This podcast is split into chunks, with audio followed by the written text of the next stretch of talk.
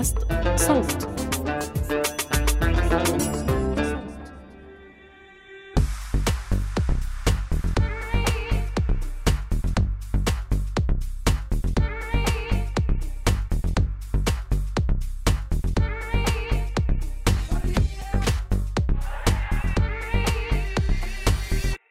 أهلا بيكم. أنا أحمد إيمان زكريا من فريق صوت. والنهاردة حلقتنا هتكون حوالين السينما العراقية. ورجوعها للمنصات العالمية من جديد من خلال فيلم جناء معلقة للمخرج العراقي أحمد ياسين الدراجي. فيلم جناء معلقة عرض مؤخرا في النسخة 79 من مهرجان فينيسيا أو البندقية السينمائي الدولي واللي بيعد أقدم وأعرق مهرجان سينمائي في العالم وأول دورة ليه كانت سنة 1932 عرض الأفلام في مهرجان فينيسيا بيكون فرصة عظيمة جدا لكل صناع السينما في العالم لأن الفيلم بيلاقي فرص كتير إنه يتعرض بعد كده في كل العالم وممكن تجيله دعوات بالعرض في مهرجانات تانية كبيرة.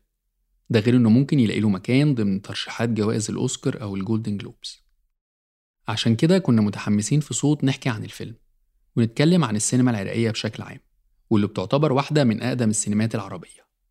ومعانا في حلقة النهاردة مخرج الفيلم أحمد ياسين الدراجي عشان يحكي لنا أكتر عن الفيلم وتجربة صناعته أهلا أهلا يا أحمد وألف ألف مبروك على عرض الفيلم في مهرجان فينيسيا. أهلا بيك حبيبي أحمد وأنا ممتن جدا لحسن ضيافتكم وفرحان أن نكون بيناتكم. أنا كمان مبسوط الحقيقة يعني على المستوى الشخصي كمان إن في فيلم عراقي بنشوفه في مهرجان كبير زي مهرجان فينيسيا وإن شاء الله يكون قريبا في مهرجانات عالمية كبيرة يعني. حابب يعني مبدئيا كده تحكي لي آه عن تجربة الفيلم وهل ده فيلمك الروائي الأول؟ أنا ده قريته يعني. وإيه كانت تجاربك السينمائية السابقة قبل الفيلم ده؟ يعني أنا درست ال ال ال السينما في بغداد وخلصت البكالوريوس ورحت على لندن كملت الماجستير في London Film School. طول آه، رحلتي هاي صنعت مجموعة من الأفلام القصيرة. عندي أطفال الله آه، عندي شاركت في صناعة my name is محمد أكو ستري فمجموعة أفلام قصيرة طول هذا الوقت وبنفس الوقت أنا كنت أخوض بصناعة الأفلام الوثائقية. معظم التجارب كانت هي تجارب تقدر تسميها تجارية لمحطات مختلفة لشركات إنتاج مختلفة. آه، جنان معلقة هي الفيلم الأول إلي الروائي الطويل. من وين أبدي لك عن تجربة جنان؟ يعني كتابة فيلم جنان حقا ما إجت يعني هي ما إجت بالصدفة بقدر ما كنت أنا حاضر آه، يعني آه، بالسينما بصالة عرض فيلم الفيلم القناص الأمريكي. وهذا الفيلم استفزني أحمد بطريقة يعني مجنونة. يعني فيلم آه، آه، مطلعين الأمريكان مطلعين آه، الحرب والقناص الذي يقتل في العراقيين وهم يتهمونهم على أنهم إرهابيين. استفزني جدا. فطلعت من آه، آه، السينما وقررت أن أكتب جنان معلقة وأن أصنع على الأقل. فشي يشبهنا عراقيين. يعني انت هنا بالنسبة لي طرحت نقطة مهمة جدا إزاي السينما الأمريكية ممكن تعرض طول الوقت صورة نمطية أو معتادة عن الجندي الأمريكي أو عامة شخصية الأمريكي وإن في ظروف زي ما عرض فيلم أمريكان سنايبر لو افتكر وقتها حتى حصل جدل كبير لأنه كان بيطلع بشكل إنساني جدا وشخص جميل كده ما عندوش أي أخطاء كالعادة. فإن أنت تتنقل من فيلم زي ده وتعمل فيلم إنساني جدا من خلال الحاجات اللي قريتها عن تجربة طفل. فايه اللي ألهمك أصلا إن أنت تشتغل على الفيلم ده ويكون شخصية الفيلم الأساسية أو البطل طفل؟ هي خلي أقول لك فد شيء أم، القصة هي مبنية على حكاية يعني تجربة شخصية حصلت لي. يعني روح القصة. بال 2006 2007 كان العراق يمر في تجربة حرب أهلية ب- بحرب مع الأمريكان والأمريكان كانوا متواجدين بشكل أساس يعني وثقيل في بغداد. يوم من الأيام كنت منتظر أحد الأصدقاء حتى يجينا عند الجامعة فتأخر كنا خايفين عليه شوية.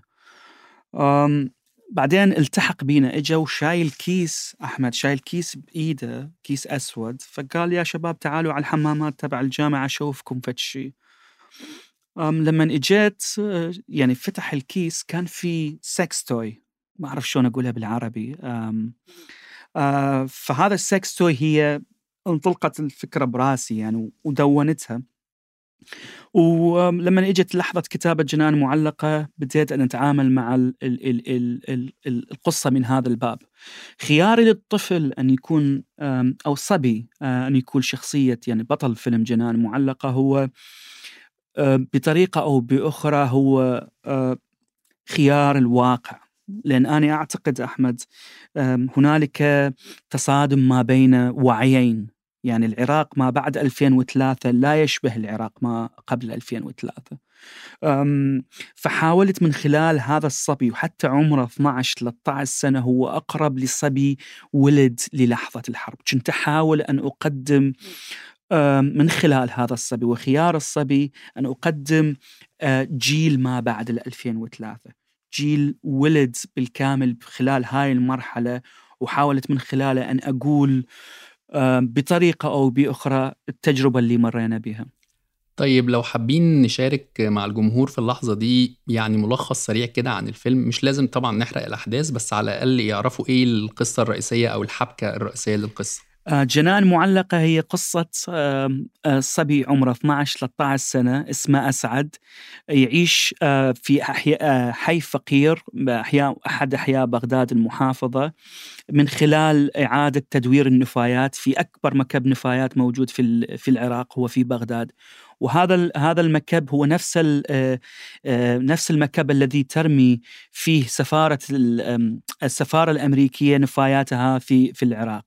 يوم من الأيام يجي أسعد يكتشف دمية جنسية روبوتك بحجم إنسان ويأخذها ويبدي رحلة وياها في أحد أحياء بغداد المحافظة. أنا متحمس جدا بصراحة من الملخص ده إن أنا أشوف إزاي كمان يعني فيلم عراقي يتكلم على فكرة بالنسبة لي حدثيه جدا ممكن نكون شايفينها شوية في السينما الغربية وإزاي هما بيطلعوا بقى الطفل ده بشكل ممكن يبدو خارق لكن أنا لكن في تصوري أنا لو هنعمل حاجة تعبر عن الثقافة العراقية أو عن ثقافتنا العربية هتبقى أكتر إنسانية أو اجتماعية أكتر. يعني إذا إن شاء الله لما تشوف الفيلم آه، أحمد هو صح جنان معلقة محمل بالإشارات. يعني عندنا السكس دول جاية من السفارة الأمريكية ونفايات السفارة الأمريكية في بغداد.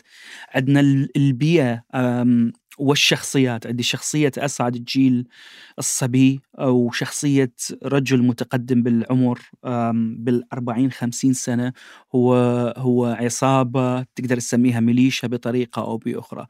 ف يعني بحكم التجربة يعني على المستوى الشخصي أنا منزعج جدا لأن يؤسفني أنه أنه أن يقدم يعني كل ما تذكر كلمة العراق آه، يعني تجي يعني آه، تلتصق بها كلمة الحرب وهذا الشيء مزعج بالنسبة لنا كعراقيين. فحاولت قدر الإمكان في جنان معلقة أحمد أن أبتعد عن منطقة الحرب. صح العراق ما زال في لحظة حرب وأنا بشكل شخصي أعتقد العراق في حرب منذ الثمانينات ذا مو أبعد شوية. منذ الثمانينات إلى الآن إلى الآن البندقية لم تغادر أرض العراق بس حاولت أن أن أمر عليها بطريقة تبتعد عن العسكرة وآلية العسكرة ورحت لموضوع إنساني مطلق بالكامل. حاولت بجنان معلقة أن أحكي عن عن يعني جيل شاب آه، طلع في مظاهرات تشرين اللي صارت في العراق وشون نزلوا للشوارع. حاولت يعني جنائن معلقة بطريقة أو بأخرى. هي تحكي عن أم أم يعني شذوذ المجتمعات في حال غياب المرأة بطريقة أو بأخرى. فأكو أكثر من لاير تتحمله جنان معلقة وتقدر تقدر تاخذه لهاي المنطقة. واللي انت بتقوله كمان يعني هو متقاطع تماما مع فكرة السلطة بكل أشكالها سواء بقى السلطة الذكورية أو السلطة السياسية. يعني في الآخر أنا متخيل إن الفيلم ممكن يكون بيتكلم عن مفهوم السلطة اللي ممكن تيجي كمان من خلال تبعات الحرب وإزاي الناس بتتأثر بيها أو تتحول. سؤالي هنا مرتبط ببطل فيلمك اللي هو يعني صبي والتعامل مع الأطفال أو لو هقول إن هو هنا يعني في مرحلة المراهقة أو لسه بيشرف على الدخول ليها. إلى أي مدى ده كان صعب بالنسبة لك؟ لأن حتى دايما بيتردد في صناعة الأفلام أو عامة العمل مع الأطفال إنه مسألة صعبة. تعرف الأشياء مترابطة بالعراق. المشكلة في العراق إحنا لا نمتلك مدرسة لتمثيل الصبيان على الأقل، عندنا مدرسة يعني قسم المسرح في جامعة بغداد لكن للأجيال المتقدمة جدا فكان اختيار صبي هو أشبه بمهمة انتحارية خصوصا أنه إحنا بالعراق ما عندنا الفيلم اندستري صناعة الفيلم متكاملة مية بالمية. إحنا نمتلك صناعة فردية بطريقة أو بأخرى لكننا لا نمتلك جمهور على الأقل. أو لا نمتلك المأسسة لصناعة السينما تبدي من مدارس التمثيل الصبيان إلى آخره. فاختيار الطفل كان كل صعب بالنسبة لي يا أحمد لأن خصوصا أنه أنا أحكي على موضوع حساسة جدا أنه صبي آه، بهذا العمر أنه صبي يتعامل مع مع دمية آه، آه، جنسية بس هو ما يحكي على الجنس. كان كلش مو سهل علي مو آه، في في ناس هواية رفضت أن أن أن أطفالهم أو أن أولادهم يلتحقون بالفيلم لهذا السبب.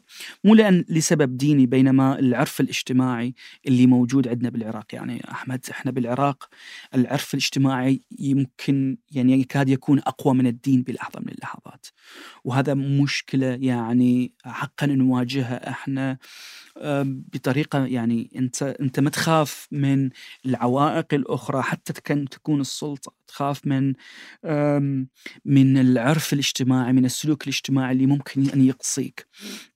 ف بالمناسبة أني أني أني أخ لسبع بنات ف واو. آه عندي عندي 23 ابن أخت وأخو أحمد ف عندي جيش كامل من الفريق كامل مال كرة قدم. ده فريقين كمان مش فريق كده يعني. تقول 23 يعملوا فريقين. ما شاء الله. بالمناسبة هم ساعدوني هواي بالفيلم. معظم الشخصيات الثانوية اللي تشوفها هم كانوا من أبناء أخواتي وأخواني يعني. هذا ساعدني شوية آه، من الناحية الإنتاجية ومن ناحية أن السيطر على على الأطفال وسلطتهم.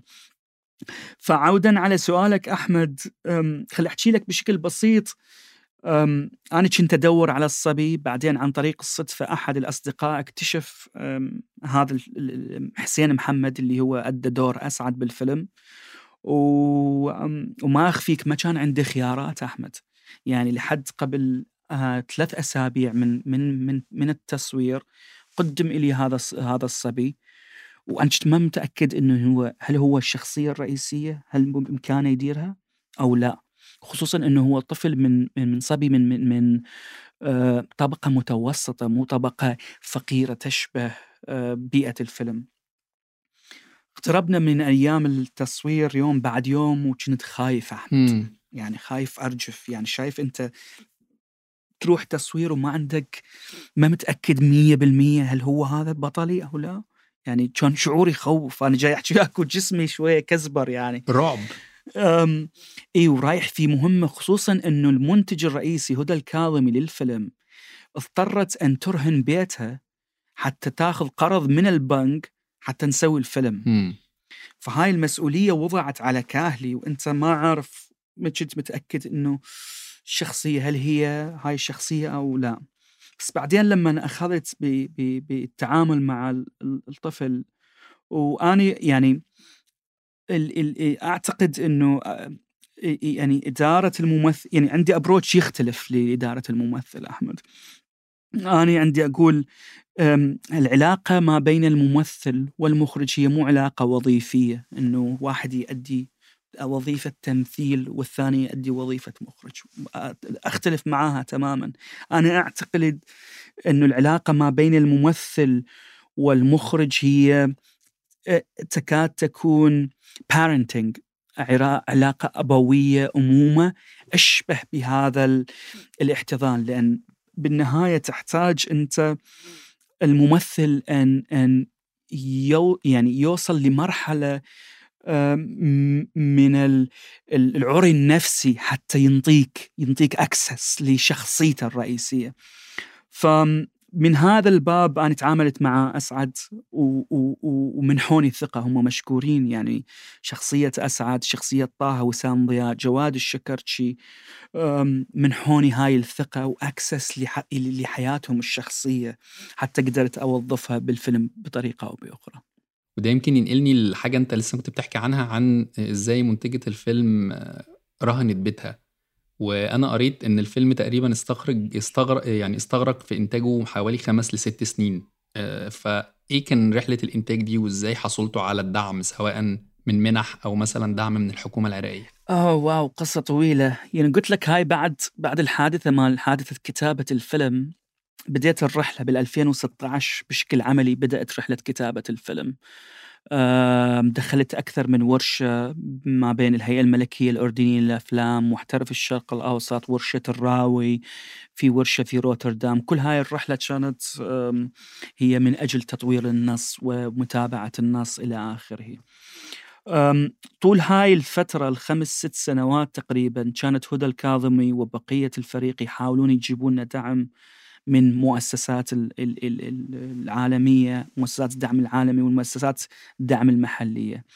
للأسف ما قدرنا نحصل على على على الدعم من أجل إنتاج الفيلم. يعني أنا أعرف مؤسسات عربية مهمة بالمنطقة تهتم بصناعة السينما وتدعي إنها حرة. رفضت يعني رفضت ان ان أن تمنح الفيلم.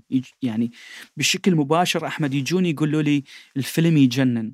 ومؤمنين بالفيلم حد النخاع بس يؤسفنا إنه نقول لك ما راح نقدر ندعم الفيلم لأن أنت عندك sex doll مع العلم إنه الفيلم لا يدور عن ال sex doll هو يحكي حكاية عراقيين شخصيتين عراقية وال doll هي هي المنطقة الوسطى ما بين الأشياء. فللأسف تم رفضنا بشكل بشع لهذا السبب. أو وصلنا ل 2019 تقريبا لما كان المظاهرات موجودة في بغداد. وهدى الكاظمي المنتج الرئيسي يعني وصلنا إلى مرحلة إنه إحنا لازم نسوي هذا الفيلم. يعني هي أحمد منطقة من الجنون توصلها أنت. إنه يعني السينما تعرفها أنت حياة مجانين. يعني صدقني ما بها منطقة للعقل يعني لأن أن ترهن بيتك أنت.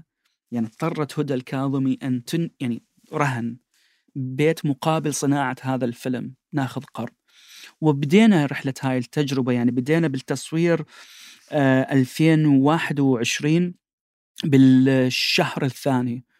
آم آم وصورنا اثنين 32 آه، يوم تصوير مع تحضيرات بدأت بالشهر ال 11 2020 فوصلنا لهاي المرحلة الإنتاج وما أخفيك أحمد هي يعني بالنهاية هو يعني ما أعرف شلون أسميها بس صانع الفيلم هو أشبه بالمغامرة أحمد بطريقة أو بأخرى. يعني بعض الأحيان صح ممكن أن تحصل على الإنتاج وتحصل على فلوس بس بدون وجود روح المغامرة اللي اللي بداخل كل كل واحد كل عضو من فريق إنتاج الفيلم ما راح ما راح تقدر تسوي فيلم. يعني أنا فريق ببغداد يمكن أعتقد وصلنا 17 شخص فقط. في زمن آه، بغداد آه، كان في وقت كورونا موجودة وفي ظرف سياسي سيء بالمطلق وإحنا كنا 17 نفر عايشين عالمنا الخاص. خلقنا عالم يعني الكوكب يجري في في اتجاه وإحنا كنا نجري في اتجاه صناعة الفيلم. يعني ما كنا نشوف الواقع كنا عايشين في داخل القصة نفسها. ف يعني بالنهاية هي صناعة الفيلم هي ممكن تقول هي مو اليقين هي الشك بطريقة أو بأخرى. وأعتقد هذا الشك اللي اللي تنطلق من يمه بروح باحث حتى تكتشف الأشياء دار مدارك. بتخيل هو الشك المثير اللي بيخليك أصلا تبقى عايز تكمل في رحلة الحياة في العموم إن أنت عايز تكتشف وتعرف. واولا يعني بتخيل أنت كمان كصانع فيلم بتبقى عندك الإحساس إن أنت بتكتشف ذاتك أكتر مع تجربة صناعة الفيلم ده من أول الكتابة لحد خالص ما تدخل أوضة المونتاج. طب عايز أكمل تاني في في نقطة الصعوبات بس يمكن على مستوى أوسع له علاقة بالعراق نفسه. وإزاي أنت شايف الصعوبات اللي بتو... اللي واجهتك في صناعة الفيلم آه، بتنعكس على صناعة السينما عامة في العراق خاصة إن كل فترة ممكن يطلع فيلم يسمع بشكل جيد جدا آه، من العراق بس بعد كده يختفي الافلام تختفي الأفلام أو الصناعة وبعدين نرجع نسمع عنها بعد كده بفترة. خليني أقول لك فتشي بس لازم نأسس لأن اللي اللي موجود عفوا صناعة السينما في العراق هي مشاكلها مترا... متراكبة يعني تكاد تكون أشبه بالمشاكل السياسية. راح أرجعك شوية للتاريخ بشكل بسيط. يعني العراق كان يمتلك صناعة سينما حقيقية منذ التأسيس. يعني أربعينات خمسينات إلى الستينات. كان عندنا في مصانع آه، طبع وتحليل فيلم ستوك. الأكبر بالشرق الأوسط كانت يعني ما بين مصر وبغداد كانوا أكبر مصانع آه، طباعة وتحميض الأفلام. آه، كانت عندنا السينما وجمهور يعني بشكل كبير. بس وصولا إلى السبعينات وبدء الحرب العراقية الإيرانية للأسف الشديد نظام صدام وظف صناعة السينما لخدمة النظام نفسه ولخدمة حزب البعث في بغداد. فبدأ بصناعة يعني تخيل أحمد أن يتخرج طالب السينما في بغداد ويلتحق في الحرب حتى يعني من أجل البراكتس يعني صار جزء واجب على طالب السينما العراقي في وقت زمن نظام صدام أيام الحرب أن يلتحق بالجبهة مع كاميرته لصناعة شيء عن الحرب. فبالتالي بدأ العراق ينتج أفلام اشبه أفلام بروباغندا وهذا شوية شوية خلانا نخسر نخسر ثقة الجمهور بالشاشة الكبيرة. يعني ما عادت الناس تثق لأن تروح لصالة السينما للفيلم ينجد نظام أو يمجد الحرب الناس تعبت من يمها وللأسف بدينا شوية شوية تخت يعني يختفي الجمهور وتقل المشاهدات. بعدين اجى الحصار فترة الحصار القاسية. فترة الحصار القاسية دمرت العراق بالكامل أحمد. يعني أنا برأيي العراق تم تهديمه بدءا من مرحلة الحصار اللي فرض على العراق. يعني تحت شعار الأمم المتحدة تفرض آه، الحصار على العراق. فبدت الصالات يعني جزء من بنود الحصار على العراق. الحصار كان ممنوع عليه استيراد أو تصدير الفيلم ستوك أحمد الشريط السينمائي. لأن تسألهم ليش؟ يقول لك في مادة كيميائية ممكن صدام يصنع من يمها قنبلة ذرية و...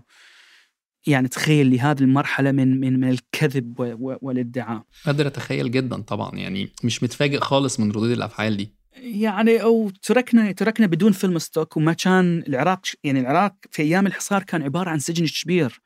منع العراق من استيراد وتصدير أي شيء ما عدا النفط ها كان يخرج خارج البلد فبالتالي يعني صالات العرض ما صار عندها أفلام.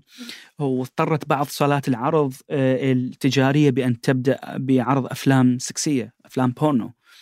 آه، وتعرف العراق مجتمع قبلي محافظ نوعا ما بطريقة أو بأخرى. فبالتالي فقدت الناس ثقتها الكامل بالشاشة وخسرنا كل شيء. يعني انتهى كل شيء. بس بعد 2003 بدت المحاولات تبدأ من جديد وهي محاولات فردية. بس للأسف الفوضى ما بعد 2003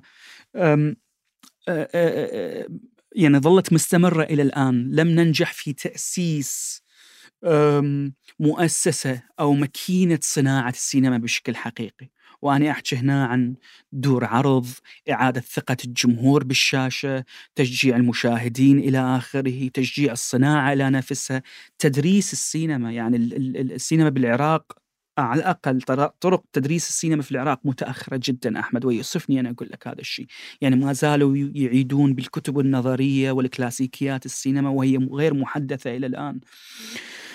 يعني هذا هاي مشكلة كبيرة لصناعة السينما العراقية. بس عودا على الصعوبات الشخصية أحمد إحنا نفتقر لوجود منظومة يعني منظومة بمعنى قوانين تنظم عملية صناعة السينما.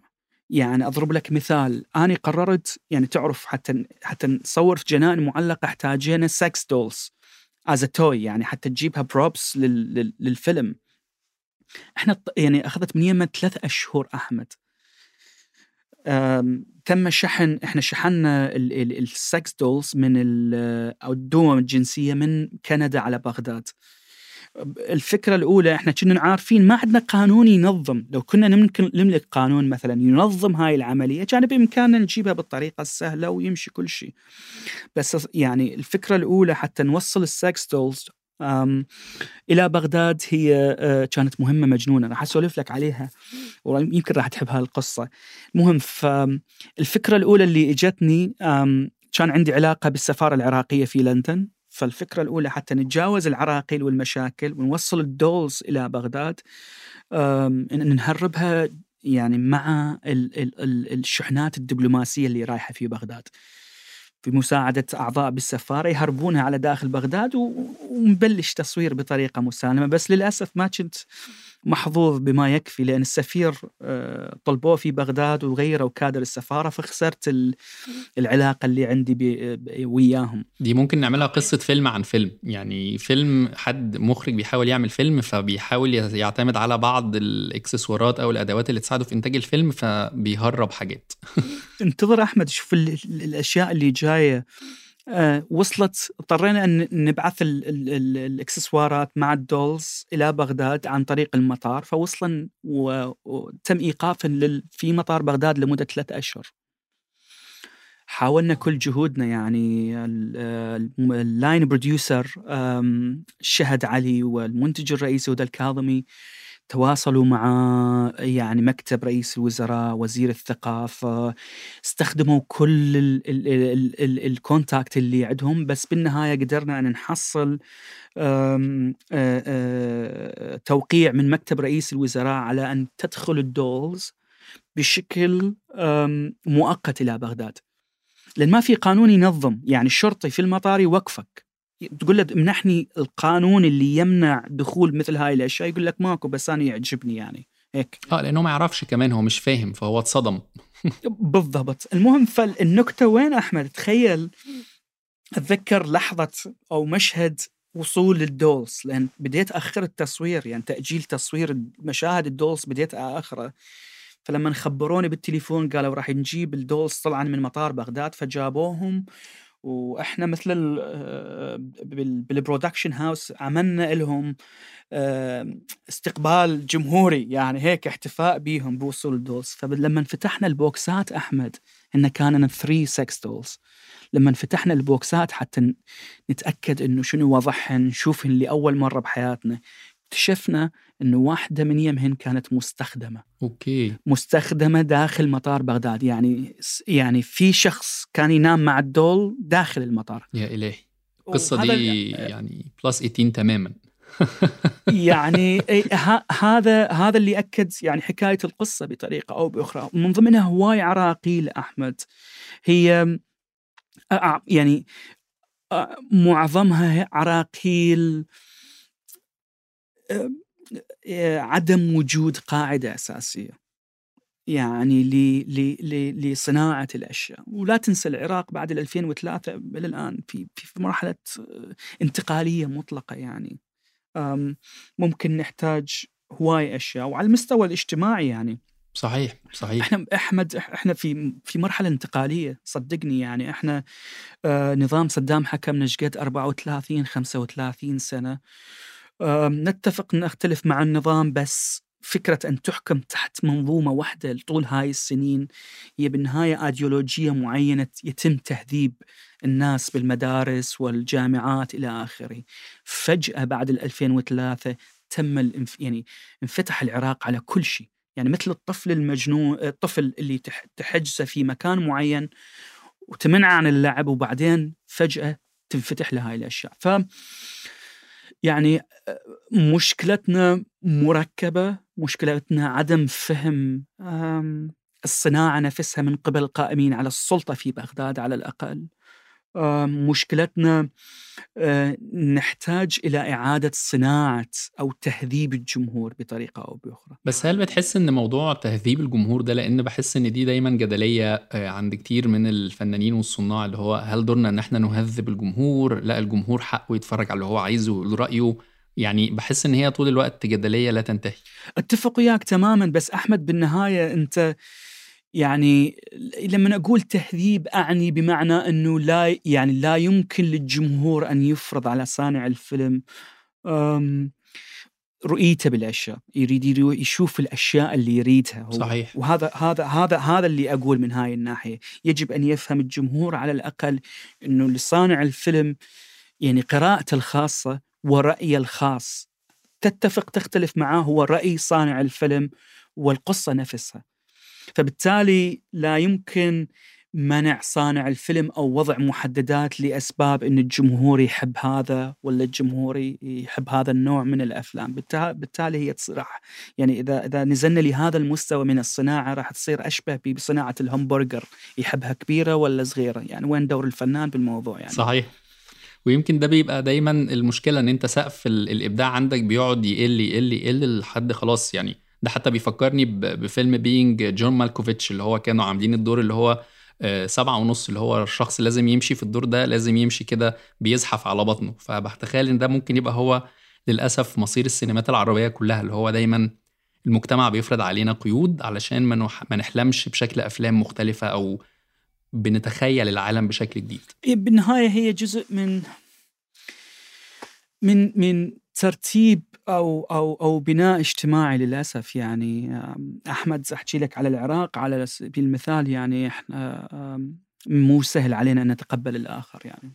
لأسباب تاريخية مرتبطة بالتاريخ لمشاكل عرقية قومية طائفية فالآخر أو المختلف على الأقل لا يمكن القبول به. يعني أنا بشكل شخصي حصلت لي مشاكل كبيرة مجرد أن قررت أن أدرس سينما مع والدي نفسه.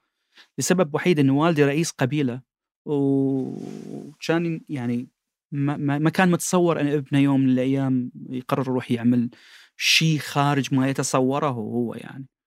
فدائما المختلف أو على الأقل اللي يشوف الحياة بطريقة تختلف هو تتم مهاجمته وهي هاي أنا برأيي وظيفتنا إحنا كسينمائيين إنه أو أو على الأقل المثقف بشكل العام إنه لابد أن أن أن أن واحد من الناس يواجه أحمد. لأن إحنا إذا ما واجهت آني وانت منو راح يفتح الباب للناس أن أن تتحرر أن تبحث في مناطق أخرى؟ لازم نتحمل المسؤولية وأنا أعتقد هاي و... يعني وظيفة المثقف بشكل عام والسينمائي بشكل خاص أن يهدم الخطوط الحمر. دائما يبحث عن مناطق يعني غير مرئية بالنسبة للجمهور العادي. صحيح صحيح. يمكن نقط كتير قوي اتناقشنا فيها دلوقتي أو أنت طرحتها زي فكرة إن مفيش موجود منظومة أو مفيش مناخ عام بيؤسس لنجاح سينما مؤسسية في العراق لو أقدر أوصفها بالشكل ده. بس كمان يعني بتخيل إن كان من الصعوبات اللي ممكن تقابلك هي الوصول أصلا لفريق العمل.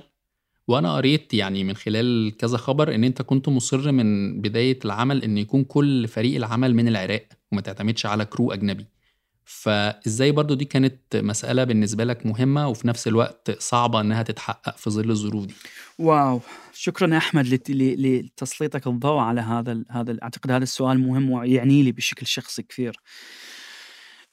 كنت بالبداية كان يعني هم هذا هم يرجعنا على على صناعة السينما بالعراق لأن ما عندنا مأسسة حقيقية لتدريب صناع الأفلام بكل الاختصاصات بالشكل الصحيح أو على الأقل بلغة عالمية. يعني تعرف مدير التصوير الآن يمتلك لغة واحدة لصناعة الفيلم في كل مكان بالعالم بس آه، بالعراق أكو لغة خاصة. يعني العراقيين طوروا سيستم بيهم يختلف نوعا ما عن عن طريقة صناعة السينما بكل مكان بالعالم.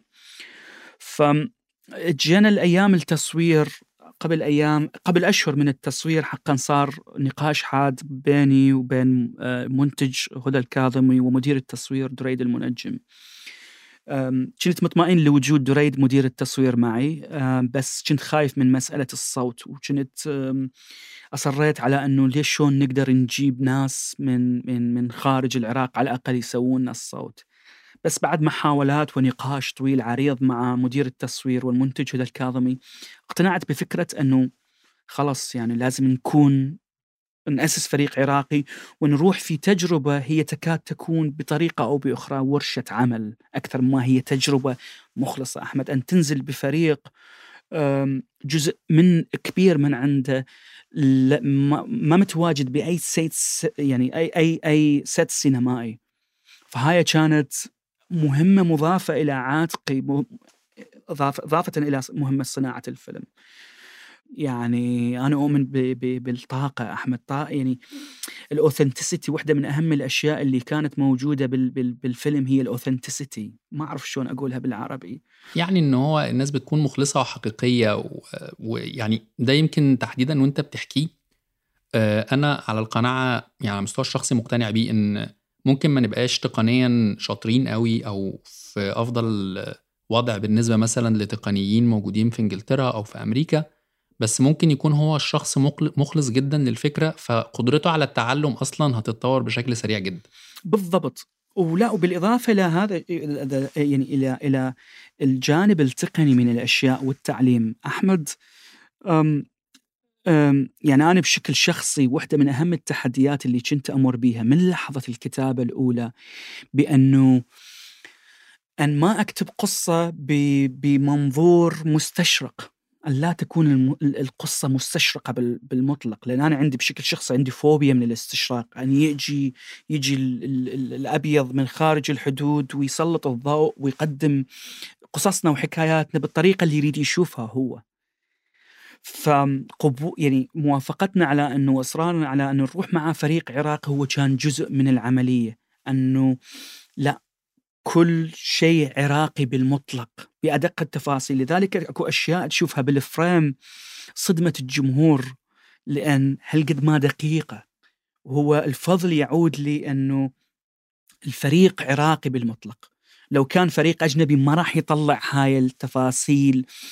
وش يسميها؟ حلاوة الفريم بطريقة أو بأخرى. والموتيفات اللي لها علاقه بالشخصية العراقيه والثقافة العراقيه فدي مستحيل هيقبلها أو هيفهمها الشخص الأجنبي لما يجي يشتغل لأنه في الآخر برضه هيبقى جاي يقول لك أنا جاي أشتغل في وظيفة وجاي 30 40 يوم أشتغل في العراق تجربة لطيفة وأشوف العراق بعد الحرب وإيه اللي حصل فيها دلوقتي ويا الناس اتطورت بعد الحرب وبقى شكلهم لطيف ما كانوش زي أيام صدام حسين فهي نفس النظره الاستشراقية للأسف تكاد تكون موجودة عندهم ما اختلفتش بشكل كبير في ظني. آه، حابب أرجع لنقطة كده آه، لها علاقة بالعروض القادمة للفيلم. إمتى مثلا نقدر نتوقع الفيلم يظهر تاني في مهرجانات قادمة أو يكون بيعرض في الدول العربية؟ الفيلم آه، رايح على مهرجان بوسان السينمائي. بالشهر الجاي يوم سبعة أنا راح أكون في بوسان. من أجل تقديم آه، الفيلم في مهرجان بوسان وهذا أعتقد فشي إضافة أن على الأقل على المستوى الشخصي بأن تطلع على أو تتعامل مع الجمهور الآسيوي آه، من هذا الجزء من العالم.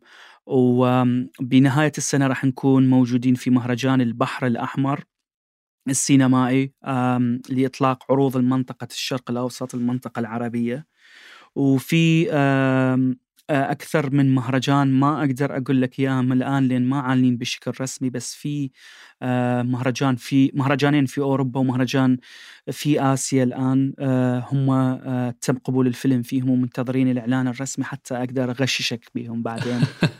يعني إن شاء الله قريبا كمان نشوفه في منطقتنا يعني في منطقة الشرق الأوسط ويعرض في دول مختلفة إن شاء الله. أنا أنا كلي أنا أنا أنا منتظر هاي اللحظة أحمد ما أخفيك. يعني الجمهور ال- العرب يعني على الأقل بالجمهور العربي هو جمهور يشبهني يعني وأنا أتمنى أن أسمع الرأي. يعني هذا جزء من مهمتي.